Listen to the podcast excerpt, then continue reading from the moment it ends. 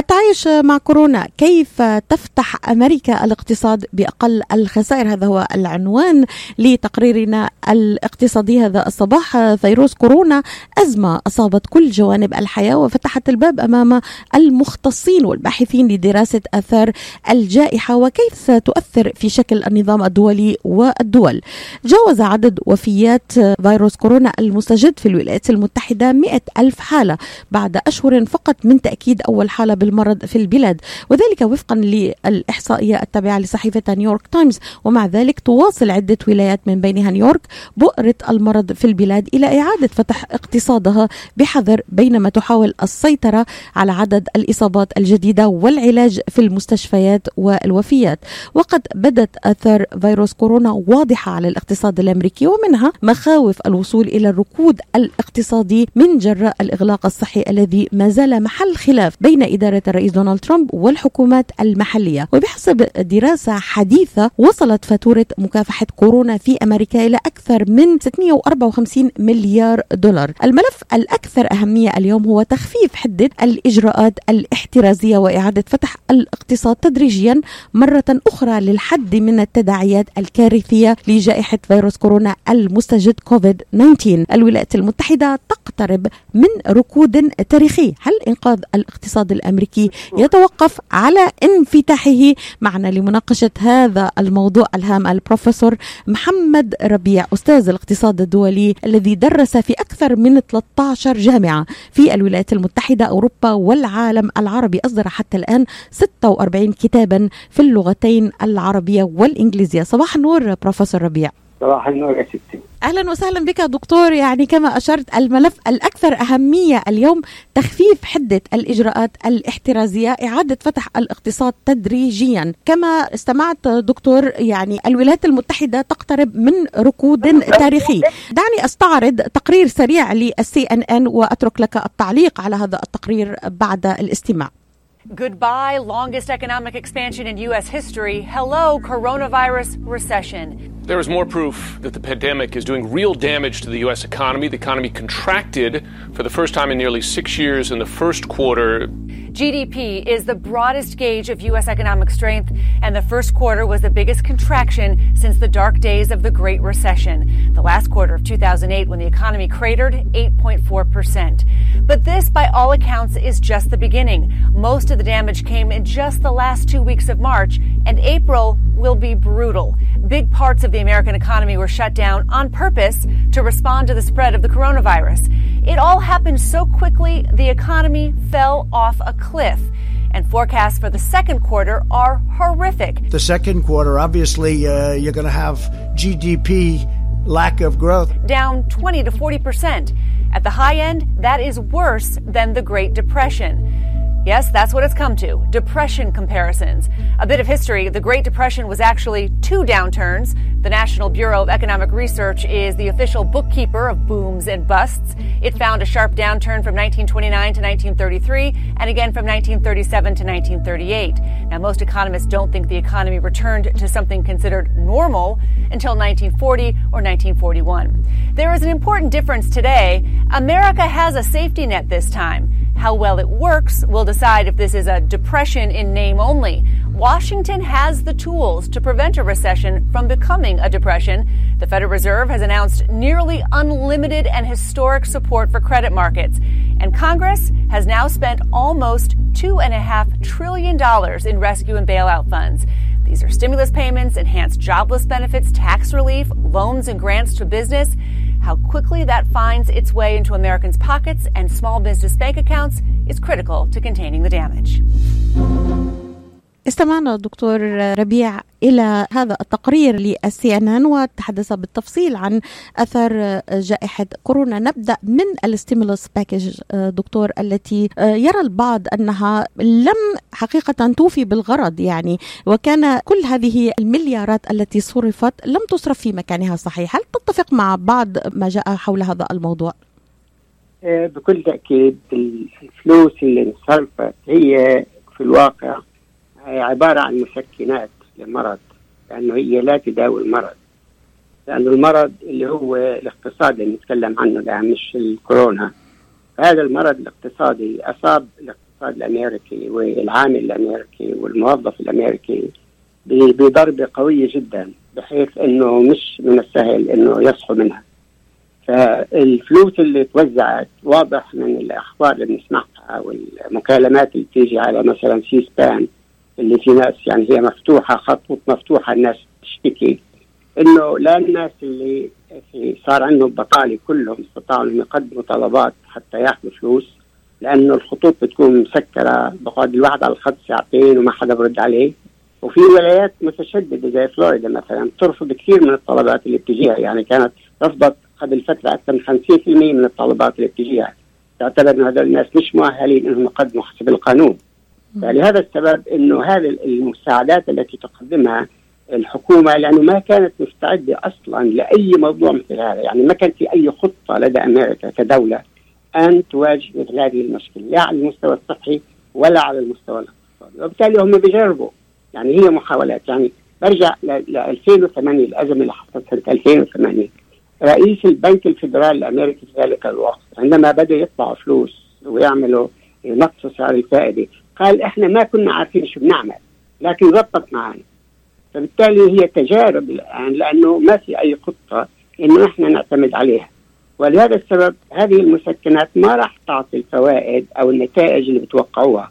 والكلام اللي أجى في ان ان هو الحقيقة يعني بعكس الواقع وأنا تكلمت عن هذا قبل حوالي شهر على نفس الراديو. لما كانوا بيتكلموا إنه يعني النمو الاقتصادي راح يعود قلت أنا لا مستحيل بده وقت طويل عشان يعود. والواقع أنه أنا أعتقد في المدى الطويل لابد من اعاده هيكلة الاقتصاد الأمريكي ككل. وما في أي حدا بيتكلم في هذا الموضوع.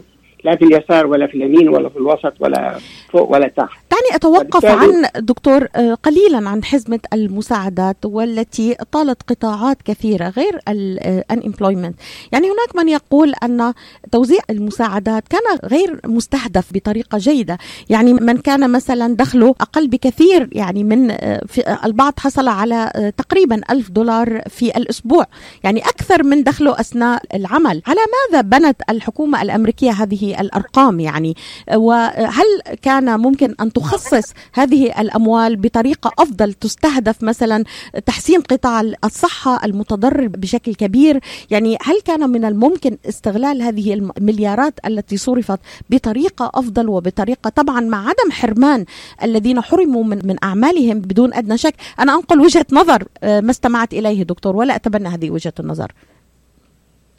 آه، اللي تفضلت فيه صحيح. وبيرجع لأنه نفس المشكلة اللي أنا تكلمت عليها في الأول إنه ما كان عند أمريكا خطة لمواجهة أزمة بهذا الشكل. فلما ما يكون عندك خطة زي ما تكلمت شو حصل في 2008 أنت بتجربي. والواقع أنت قلتي إنه أعطوا ناس 1000 دولار. هم ما أعطوا الناس 1000 دولار. اللي أعطوهم 600 للي عاطين عن العمل. لا و300 دكتور. في 600 من الفدرال و300 من تفضل خليني اكمل اعطوا 600 للناس اللي كانت تعمل شايفة؟ صاروا عاطين العمل. واللي أعطوهم أعطوهم 1200 دولار. لكل واحد كان عنده دخل أقل من 100000 أعطوا له 1200 دولار. فهذا اللي توزع. ما في 1000 دولار يعني. الذي في أنا ما سمعته. لا دكتور في في مع معلش أنا معلوماتي دقيقة دكتور. عم يعطوا 600 دولار ال pandemic اللي هو ال federal و300 دولار من ال state. يعني total عم بيطلع حوالي 900 دولار per per week هذا اللي انت بتتفضلي فيه اللي قالوا عنه. أنا تكلمت الحقيقة على الموضوع الفدرالي لأن هذا هو الخطة الأساسية. نعم. فاللي اللي حاصل بقول لك إنه في ناس حقيقة ما كانوا بيعملوا 600 دولار كل أسبوع. فبالتالي هذا أكثر مما كان يعملوا وبالتالي هم مش عايزين يروحوا يشتغلوا. صحيح. لأنه راح يشتغلوا راح يعملوا أقل. فبالتالي يعني أعطى مردود سلبي بدل ما أعطي مردود إيجابي. طبعا ساعد الناس من الناحية الإنسانية. بكل تأكيد. لكن اللي الآن باخذ هذه الفلوس بقول لك أنا ليش آخذ أروح أشتغل؟ وبصير عندي خطر صحي شايفه في نفس الوقت باخذ أقل. فبالتالي هو بيستنى يشوف شو راح يصير. طبعا هذه 600 دولار مش راح تستمر. لأنه هم يعني دائما القانون بحددها في فترة معينة. ستة أشهر ماكسيموم ستة أشهر أعتقد على ثلاثة إلى ستة أشهر ماكس اللي هي آه. أعتقد حتى نهاية ديسمبر بعتقد. بالضبط هي كانت ثلاث شهور عادة. فإذا كان راح يمددوها ما, ما ما يعني ما سمعت خبر في التمديد حتى الآن. فهذا هو الواقع اللي إحنا عندنا. اللي صاير إنه نسبة البطالة الآن في أمريكا أنا باعتقادي صارت الآن موجودة يعني في حدود 30% أو 35% البطالة اثنين إنه لما نتكلم كلمة ركود هو مش ركود هو تراجع في الاقتصاد. الركود إنه بوقف يعني. فالكلام اللي لازم يقال انه الاقتصاد تراجع يعني حوالي 8% في الربع الأول، الربع الثاني زي ما تكلمت سي إن إن إنه ممكن يوصل ل 40% وهذا ممكن. أنا أعتقد حيكون على الأغلب راح يكون في حدود 30% التراجع في الاقتصاد الأمريكي في الربع الثاني. في الربع الثالث مش ممكن ينمو الاقتصاد، يعني الاقتصاد بتراجع أقل وفي الرابع راح يتراجع أقل. لكن في النهاية في النهاية نهاية السنة أنا بعتقد تراجع في الاقتصاد الأمريكي راح يكون في حدود الثلث. يعني ما بين 35 حتى ل 40% يعني وهذا راح يرجع حجم الاقتصاد الأمريكي إلى أقل من حجم الاقتصاد الصيني. وهنا هذا الأثر اللي أنا بعتقد هو الأهم على موازين القوى العالمية في كافة النواحي الاقتصاديه وغير الاقتصاديه أيضا. هناك تقارير دكتور تشير أنا تابعتها يعني البطالة في أمريكا قد تبلغ 20% بسبب كورونا. حديثا صدر هذه الدراسة وقالت إنه يعني 20% قد تبلغ خلال الأسابيع القادمة وهذه الدراسه صدرت حديثا في ماي. لدينا سؤال سريع من الأستاذ جيري وأترك لك التعليق طبعا دكتور ناخذ مداخلة أستاذ جيري سريعا من فضلك سؤالك. صباح الخير ست ليلى الحسيني والدكتور محمد ربيع صباح الخير. صباح النور. نعم أنا جيري حبة من ميشيغان. دكتور ربيع أنا أشكر ما تفضلت به لكن تعقيبا إلى ما تفضلت به السيدة ليلى الحسيني أن هناك أناس يعملون مبلغ تقريبا 900 دولار 600 دولار من الانemployment أوفيس و300 دولار تقريبا من ماهيتهم اللي كانوا بيشتغلوا فيها. دكتور ربيع هذه الخطة بدل أن تكون إيجابية أصبح رد الفعل سلبي. تعرف دكتور ربيع في بعض رجال الأعمال من أصحاب المطاعم أو المحلات صارت عندهم أزمة في الشغل. يعني في بعض رجال الأعمال بدهم عامل عشرين دولار بالساعة وما في وما في. يعني ليش دكتور ربيع هذه الخطة شجعت الناس البقاء وتقديم طلبات البطالة unemployment office. بيقول لك أنا قاعد بالبيت أم جالس بالبيت مع عائلتي وبلا خطر صحي علي. سؤالك أستاذ جيري سؤالك أستاذ جيري مباشرة إذا تحدثنا عن هذا الموضوع. نعم م. دكتور ربيع. ألا تعتقد أن هذه الخطة يجب على السياسيين ومنفذي القرار وصانعي القرار مراجعة هذه الغلطة الاقتصادية التي تؤذي المجتمع ولا تنفع الاقتصاد؟ أرجو الجواب وشكرا لكم. شكرا أستاذ جاري تحياتي لك. يعني دكتور ربيع 33 ونص مليون أمريكي الآن ربما في موضوع البطالة. كيف ترد دكتور ربيع؟ اولا البطالة يظهر انت ما سمعتي اخر تقرير ارتفعت يعني العدد العاقين عن العمل الأسبوع الماضي صار الآن 39 حسب الأحصاءات الرسمية اللي عاطين عن العمل. لكن الواقع كل هذه التقارير أقل من الحقيقة بكثير. والسبب إنه في ناس كثير هم عاطين على العمل بيقدروش يقدموا طلبات حتى يطالبوا في فلوس بدل البطالة. وهذول مش محسوبين. عندك 42 مليون أمريكي بيشتغلوا لحسابهم الخاص. زي ما تفضل الأستاذ اللي سأل السؤال عن أصحاب المطاعم الشغلات الصغيره هذه هذول ما بيحق لهم إذا مطعم مسكر ما بيحق له إنه هو يطالب لأنه بيشتغل حسابه الخاص. وفي ناس كثير يعني بحق لهم وما أخذوا حقوقهم لما تجمعيهم والبطاله اللي كانت الأول لأنه كان عندنا 6% 6 مليون واحد عاطين عن العمل اللي حوالي نسبة 4% من السكان كانوا هذا موجودين بالأساس. يعني عمره ما بكون عندنا عمالة كاملة 100% كل الناس اللي بتشتغل تشتغل. فلو حسبت كل هذول على بعض الآن البطالة في أمريكا فوق 30% بكل تأكيد بكل تأكيد. يعني آخر مرة أنا تكلمت كنت حسبتها على أساس كنت قلت 24.5% وأنا حساباتي دقيقة كمان بس أنا ما بكذب. فبس انت تسمع بالراديو لأنه كل النخبه الحاكم في أمريكا تحاول تكذب سواء كانوا لا يعطوا لا يعطوا الإحصاءات الدقيقة ما قصد دكتور يعني, يعني, يعني نعم نعم. باخذوا شغلات معينة وبرتفع يعني هم بيقولوا حقيقة. لما أقول لك في عندي 39 مليون واحد قدموا هذا حقيقة. لكن مش هذول كله عاطلين عمل. يعني ناس كثير عاطلين عن العمل بحسبهمش. يعني حتى الطريقة اللي بحسب فيها العاطلين العمل في أمريكا مش بيسألوا مين اللي هو بيشتغلش لكن بدور على شغل. يعني إذا واحد ما بيشتغل يعني أنت الآن ممكن تقولي إنها تقعدي في البيت أنت ما بتدوري على شغل. فأنت لا تعتبر عاطله عن العمل. هم فقط اللي بدور اللي بدور على شغل. وعاطل العمل هذا اللي بنحسب. بس بيكون قاعد في بيته ما بنحسبش. لهذا السبب في في نسبة ثانية يعني الواحد لازم ينظر إليها ما يسمى مشاركة العمال في سوق العمل.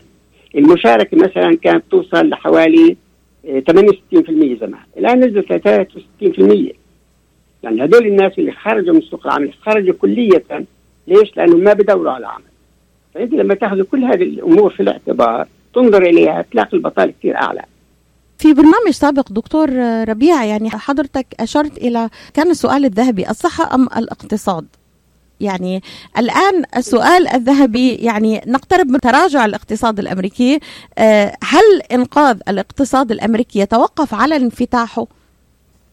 الانفتاح بيساعد بكل تأكيد لكن أنا أعتقد شخصيا هناك حاجة لإعادة هيكلة في الاقتصاد الأمريكي لأن الاقتصاد اللي حصل فيه الآن هذا الانهيار وقبل هيك اللي هو تراجع في معدلات النمو. يعني لو أخذنا في السبعينات كان معدلات النمو في أمريكا في حدود 6% في الثمانينات قلت شوي لحوالي 4 ل 5% في التسعينات كمان 4 وشوية أو شيء يعني 5% وصلنا للقرن الحالي لو أخذتيها من أول للآخر حوالي بس 2.1% معدل النمو السنوي. لهذا السبب إنه شو اللي بيحصل؟ ليش بتراجع معدل النمو في الاقتصاد؟ التراجع هذا بسبب تركز الثروة في أيدي الأثرياء اللي هم نسبتهم 1% من السكان. بيملكوا أكثر من 50% من ثروة البلاد. لما بيملكوا كل هذا وبيعملوا كل الدخل اللي يعني حوالي 25% من الدخل بيروح لهذه النسبة الصغيرة. فالناس الفقراء اللي هم اللي بيصرفوا هذا الثري ما بيصرف. شو بيصرف؟ مش بيحتاج لا سيارة ولا بيت جديد ولا ولا كتب لاولاد أولاده ولا ملابس لأولاده بيروحوا المدرسة مش محتاج. فاللي بيصرف هو الفقير اللي محتاج لكل شيء. فهذا لما ما يكون عنده دخل ما بيصرف. والآن الاستهلاك في أمريكا بيمثل 70% من الاقتصاد الأمريكي. فلما هذا ال 70% نسبه تنضرب ضربه كبيره الاستهلاك يقل بالنسبة للناس الفقراء فمعدل النمو بقل وبالتالي هي حاجة لإعادة هيكلة للاقتصاد. وما في حدا بفكر ولا بيطرح الموضوع من أي زاوية. لأن الإعلام مش هذول النخبه حاكمة الإعلام هم جزء من النخبة الحاكمة الفاسدة في هذه البلد. هذا لو اعتبرنا أنه الإعلام الأمريكي منظومة واحدة دكتور يعني لا يعرف الكثير أن كل مؤسسة إعلامية لها سياستها الخاصة ليس لدينا منظومة واحدة للإعلام الأمريكي. كل مؤسسة لديها سياستها ولديها أجندة خاصة تعمل من خلالها ومن منظومتها الخاصة. ليس هناك إعلام أمريكي موحد يتبع سياسة موحدة. يعني أكيد الـ Fox News ليست مثل الـ CNN ليست مثل الـ NPR أو CBC يعني أو أي صحيفة مطبوعة أو مقروءة أو الكترونيه أكيد كل كل وسيلة إعلام لها خاصية لوحدها في الـ reporting والآلية التي تعمل بها. اذا لا نستطيع أن نعمم دكتور أن الإعلام الأمريكي كله فاسد صحيح؟ شوفي الأول شيء. اللي تفضلت فيه صحيح بكل تأكيد. لكن كل هذه المؤسسات الناس المسؤولين عنها هم جزء من النخبه الفاسده الحاكم في هذا البلد. أنا بعطيك مثال. قبل ثلاث أيام فقط لجنة العلاقات الخارجية في السنات أقرت إعطاء إسرائيل 38 مليار دولار. لم تنشرها أي وكالة أي إعلام ما نشروها. ليش؟ لأنه كلهم واقفين مع إسرائيل ضدنا لهذا السبب هذا التحيز والانحياز موجود في صلب هذه المؤسسة. مش شيء بسيط يعني. هذا مثلا هذا في في الدكتور يعني هذا في القضايا الخارجية عذرا يعني. في في بعض المؤسسات لها توجهات معينة وخطوط حمراء. يعني فيما يتعلق بسياسة الولايات المتحدة الخارجية تجاه ملفات معينة أو قضايا معينة، نحن نتحدث الآن في قضايا داخلية في الولايات المتحدة الأمريكية، يعني لا أستطيع القول أو الجزم بأن الإعلام الأمريكي كله فاسد. أو يتبع أو أو ي... نعم يعني ربما هناك توجهات معينة لكل مؤسسة إعلامية تدعم آه، مثلا هنا من المعروف أن الفوكس نيوز يدعم الجمهوريين من المعروف أن CNN لها توجهات بدعم الديمقراطيين. نعم هذا صحيح 100% يعني. هذه بس هذا الفرق بينهم. اللي أنت قلتيه هذا هو الفرق الوحيد. أنا بسمع كل يوم بسمع الـ public radio اللي أنا بسميه أقل انحيازا. نعم الـ NPR الام بي ار نعم نعم. الام بي ار بسميه أنا أقل انحيازا. لأنه دائما زي ما بحكوا الناس كنا في الوطن العربي هذه البلد أحسن من الثانية بقول له ما تقول أحسن قول أقل سوءا. لأنه ما في شيء حسن عندنا ليش نكذب على حالنا؟ وأمريكا في أقل انحيازا. بس الكل منحاز إلى وجهة يا أما الديمقراطيين يا أما الجمهوريين ويتفضلت فيه صحيح. ففوكس نيوز مع الجمهوريين مع ترامب. وهذاك الناس ضد ترامب. هذه كل العملية. يعني بياخذوها أحيانا أحيانا القضية اذا اذا هل نستطيع القول دكتور أن السياسة طغت على الاقتصاد والمصلحة مصلحة الاقتصاد الأمريكي؟ يعني هذه التجاذبات السياسية طغت على المصلحة العامة في آه، التعامل مع جائحة كورونا أو أزمة كورونا من وجهة نظرك كاقتصادي وخبير؟ آه, هي شوفي اللي انتصر هو الاقتصاد على السياسة مش السياسة على الاقتصاد. وبالتالي الان تسخر السياسة لخدمة الاقتصاد ورجال الاقتصاد. لما بيسخروا السياسي لخدمة الاقتصاد هم يخونوا المصلحة العامة ويخونوا الإنسان العادي. هذه النقطة اللي أنت توصلت إليها بطريقة يعني آه، خلينا نقول غير مباشرة. هذا صحيح لأنه أنا أعتقد إنه انهزام الاشتراكية وسقوط الاتحاد السوفيتي وتفككه ال 91 كان هي آخر معركة كانت تخوضها السياسة ضد الاقتصاد وانتصر الاقتصاد. يعني انتصر الاقتصاد في ذلك الوقت في تلك اللحظة. وأنا هذا مسجله في أكثر من كتاب من كتبي. وكل يوم ببين أكثر، يعني مثلا لو اخذت أنت مثلا سنة بس سنة 2010 كان 51 شركة في العالم هم 51 أكبر اقتصاد يعني من أكبر اقتصاد في العالم أكبر 100 اقتصاد في العالم كان 51 منه شركات. هذا سنة 2010 يعني 100 اقتصاد العالم أكبرهم 51 شركة. الآن وصلوا ل 69 شركة. أنت بتحكي في شركات عندها اقتصادها أكثر من أفريقيا كلها. فأنت هذا التركز الثروة في أيدي القلة في شركات قليلة هو الذي يقتل العملية السياسية وبالتالي على حساب المصلحة العامة وبالذات الإنسان والشعوب الفقيرة. نعود معك دكتور للسؤال الأساسي لفقرة برنامجنا اليوم الناس والاقتصاد. التعايش مع كورونا كيف برأيك نفتح الاقتصاد بأقل الخسائر، ما هي الحلول التي تراها منطقية وحلول على المدى القريب والمدى البعيد؟ يعني أعتقد البرنامج اللي اعلنه ترامب هو برنامج معقول لأنه وضع شروط معينة للانفتاح، هو عايز يفتح هو الاقتصاد ممكن ينفتح يعني لما تقولي إنه مطاعم ممكن 50% من العدد الكراسي تكون موجودة وفي يكون الناس بعيدين عن بعض هذا جزء من العملية. لكن مين من الناس اللي بينزل حقيقة؟ بيكون عنده الشجاعه هو في ناس في أمريكا الآن اللي هم بيعملوا مظاهرات هم مش بتو... يعني مش قابلين فكرة الكورونا مش قابلينها أساسا. في ناس بعتبروها مؤامره وأنت سمعتي وشفتي وأنا سمعت كل الناس شافوا. يعني برامج كثيره من أمريكا أمريكيين وبريطانيين وغيرهم يتكلموا على هذا. يعني ما في ثقة كاملة في هذا المرض والشكل اللي هو بيمشي فيه وبيت يعني آه، بينتشر في المجتمع. عملية الفتح لكن أنا أعتقد أن الكورونا موجودة كمرض. يعني أنا لا أسير على طريق المؤامرة. لكن المرض موجود وبالتالي لابد أن نتحاشاه بقدر الإمكان. اللي صار هي عملية المعالجة في الأساس كانت خاطئة وخاطئة جدا. يعني شو اللي عملوا في أوروبا مثلا؟ ألمانيا قالت إنها تدفع 90% من معاشات العمال والعمال بيبقوا في الشركات تبعتهم مرتبطين فيها والشركة تدفع 10% وبالتالي باقي العامل لما ينفتح الاقتصاد في ألمانيا راح ينفتح 100% إنه الناس تروح نفس الشركات لأن الشركات ما فلست وفي بريطانيا بيدفع 80% من المعاش للعامل ويظل مرتبط بالشركة تبعته. نفس الشيء في آه، آه، بريطانيا راح يكون الوضع أفضل الانفتاح. هنا إحنا قطعنا العلاقة أخذت الحكومة هي الدور. وبالتالي عملية العلاج للموضوع كانت عملية خاطئة بالاساس وما نظروا إلى اللي عملوا يعني غيرهم لهذا السبب إحنا راح يفتح الاقتصاد راح يكون فتح جزئي في أماكن مختلفة. فتحوا بعض الشواطئ وغيرها من الأمور. وبقول للناس إنه ابعدوا عن بعض لكن إذا عادت المرض وبدأ ينتشر في هذه المناطق ستكون ردة الفعل سلبية وكبيرة جدا. أنا الحقيقة أحذر كشخص يعني عادي ما عندي أي قوة اللي يعني أفرض شيء ولا بوصل الاعلام حتى الأمريكي إنه العملية تكون حذرة والفتح يكون جزئي ويكون في المناطق مش مأهولة في السكان. يعني هل يعني هل يقع جزء من المشكلة أو معالجة المشكلة علينا نحن كمواطنين في هذا البلد دكتور؟ يعني أن نلتزم إجراءات السلامة. يعني شاهدنا صور كثيرة آه، آه، مع الأسف يعني على الشواطئ آه، ليس فيها أي نوع من الحذر فيما يتعلق في التواصل الاجتماعي وأن يكون هناك فعلا تباعد اجتماعي بحسب التوصيات لمراكز السيطرة على الأوبئة. إذا نحن جزء من هذه المشكلة إن, إن أردنا القول في العلاج والفتح بأقل الخسائر خاصة من الناحية الصحية. بكل تأكيد الناس اللي ما بيلتزموا بالتعليمات هم جزء من المشكلة. وفي ناس زي ما تفضلتي ما بيلتزموا فيها. وهذول لأنهم أغلبهم مش مآمنين فيها.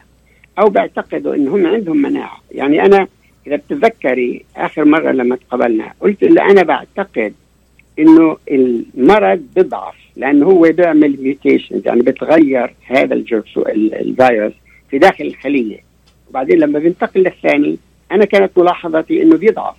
والسبب كانت ملاحظة بسيطة جدا إنه عدد الحالات المصابة بتزيد وعدد اللي بيدخلوا المستشفيات بقل أقل بكثير من عدد الإصابات. فمعنى ذلك إنه اللي بينتقل الجيل الثاني الجيل الثاني من المرض هو أضعف من الجيل الأول. فناس طبعا اختلفوا معي. الآن طلعت مقال نيويورك تايمز نشرت قبل 10 أيام مقال لواحد خبير في الموضوع. توصل لنفس النتيجة اللي أنا توصلت اليها قبله بحوالي ثلاث أسابيع. وامبارح ناس توصلوا اليها في إسرائيل نشروها اللي هي ليش هي كل العلم إيش العلم؟ إنه الإنسان بشوف ظاهرة بقول هذه الظاهرة شو تحليلها؟ يمكن كذا كذا كذا. يا إما يثبتها تطلع علم وإذا ما ثبتها تطلع بس مجرد خاطرة خطأ.